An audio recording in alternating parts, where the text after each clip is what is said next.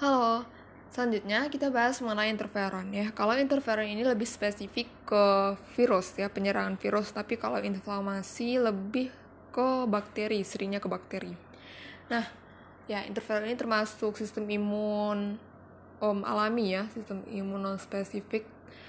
Jadi kerjanya itu ketika ada virus masuk ke tubuh, virus ini akan menginfeksi sel uh, normal kita ya, akan menginfeksi DNA normal kita. Nah, dalam sel ini uh, virus akan bereplikasi ya banyak gitu. Jadi sel yang terinfeksi ini akan mengeluarkan interferon.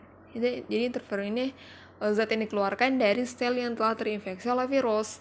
Lalu sel normal lainnya yang belum terinfeksi, dia punya reseptor uh, interferon ya, reseptor interferon. Jadi interferon ini akan menempel ke sel normal lainnya. Nah, lalu sel normal ini yang telah ditempeli oleh interferon ya akan membuat enzim penghambat virus yang masih inaktif ya, yang masih inaktif. Kenapa inaktif? Ya karena masa dia nanti nyerang diri sendiri gitu kan.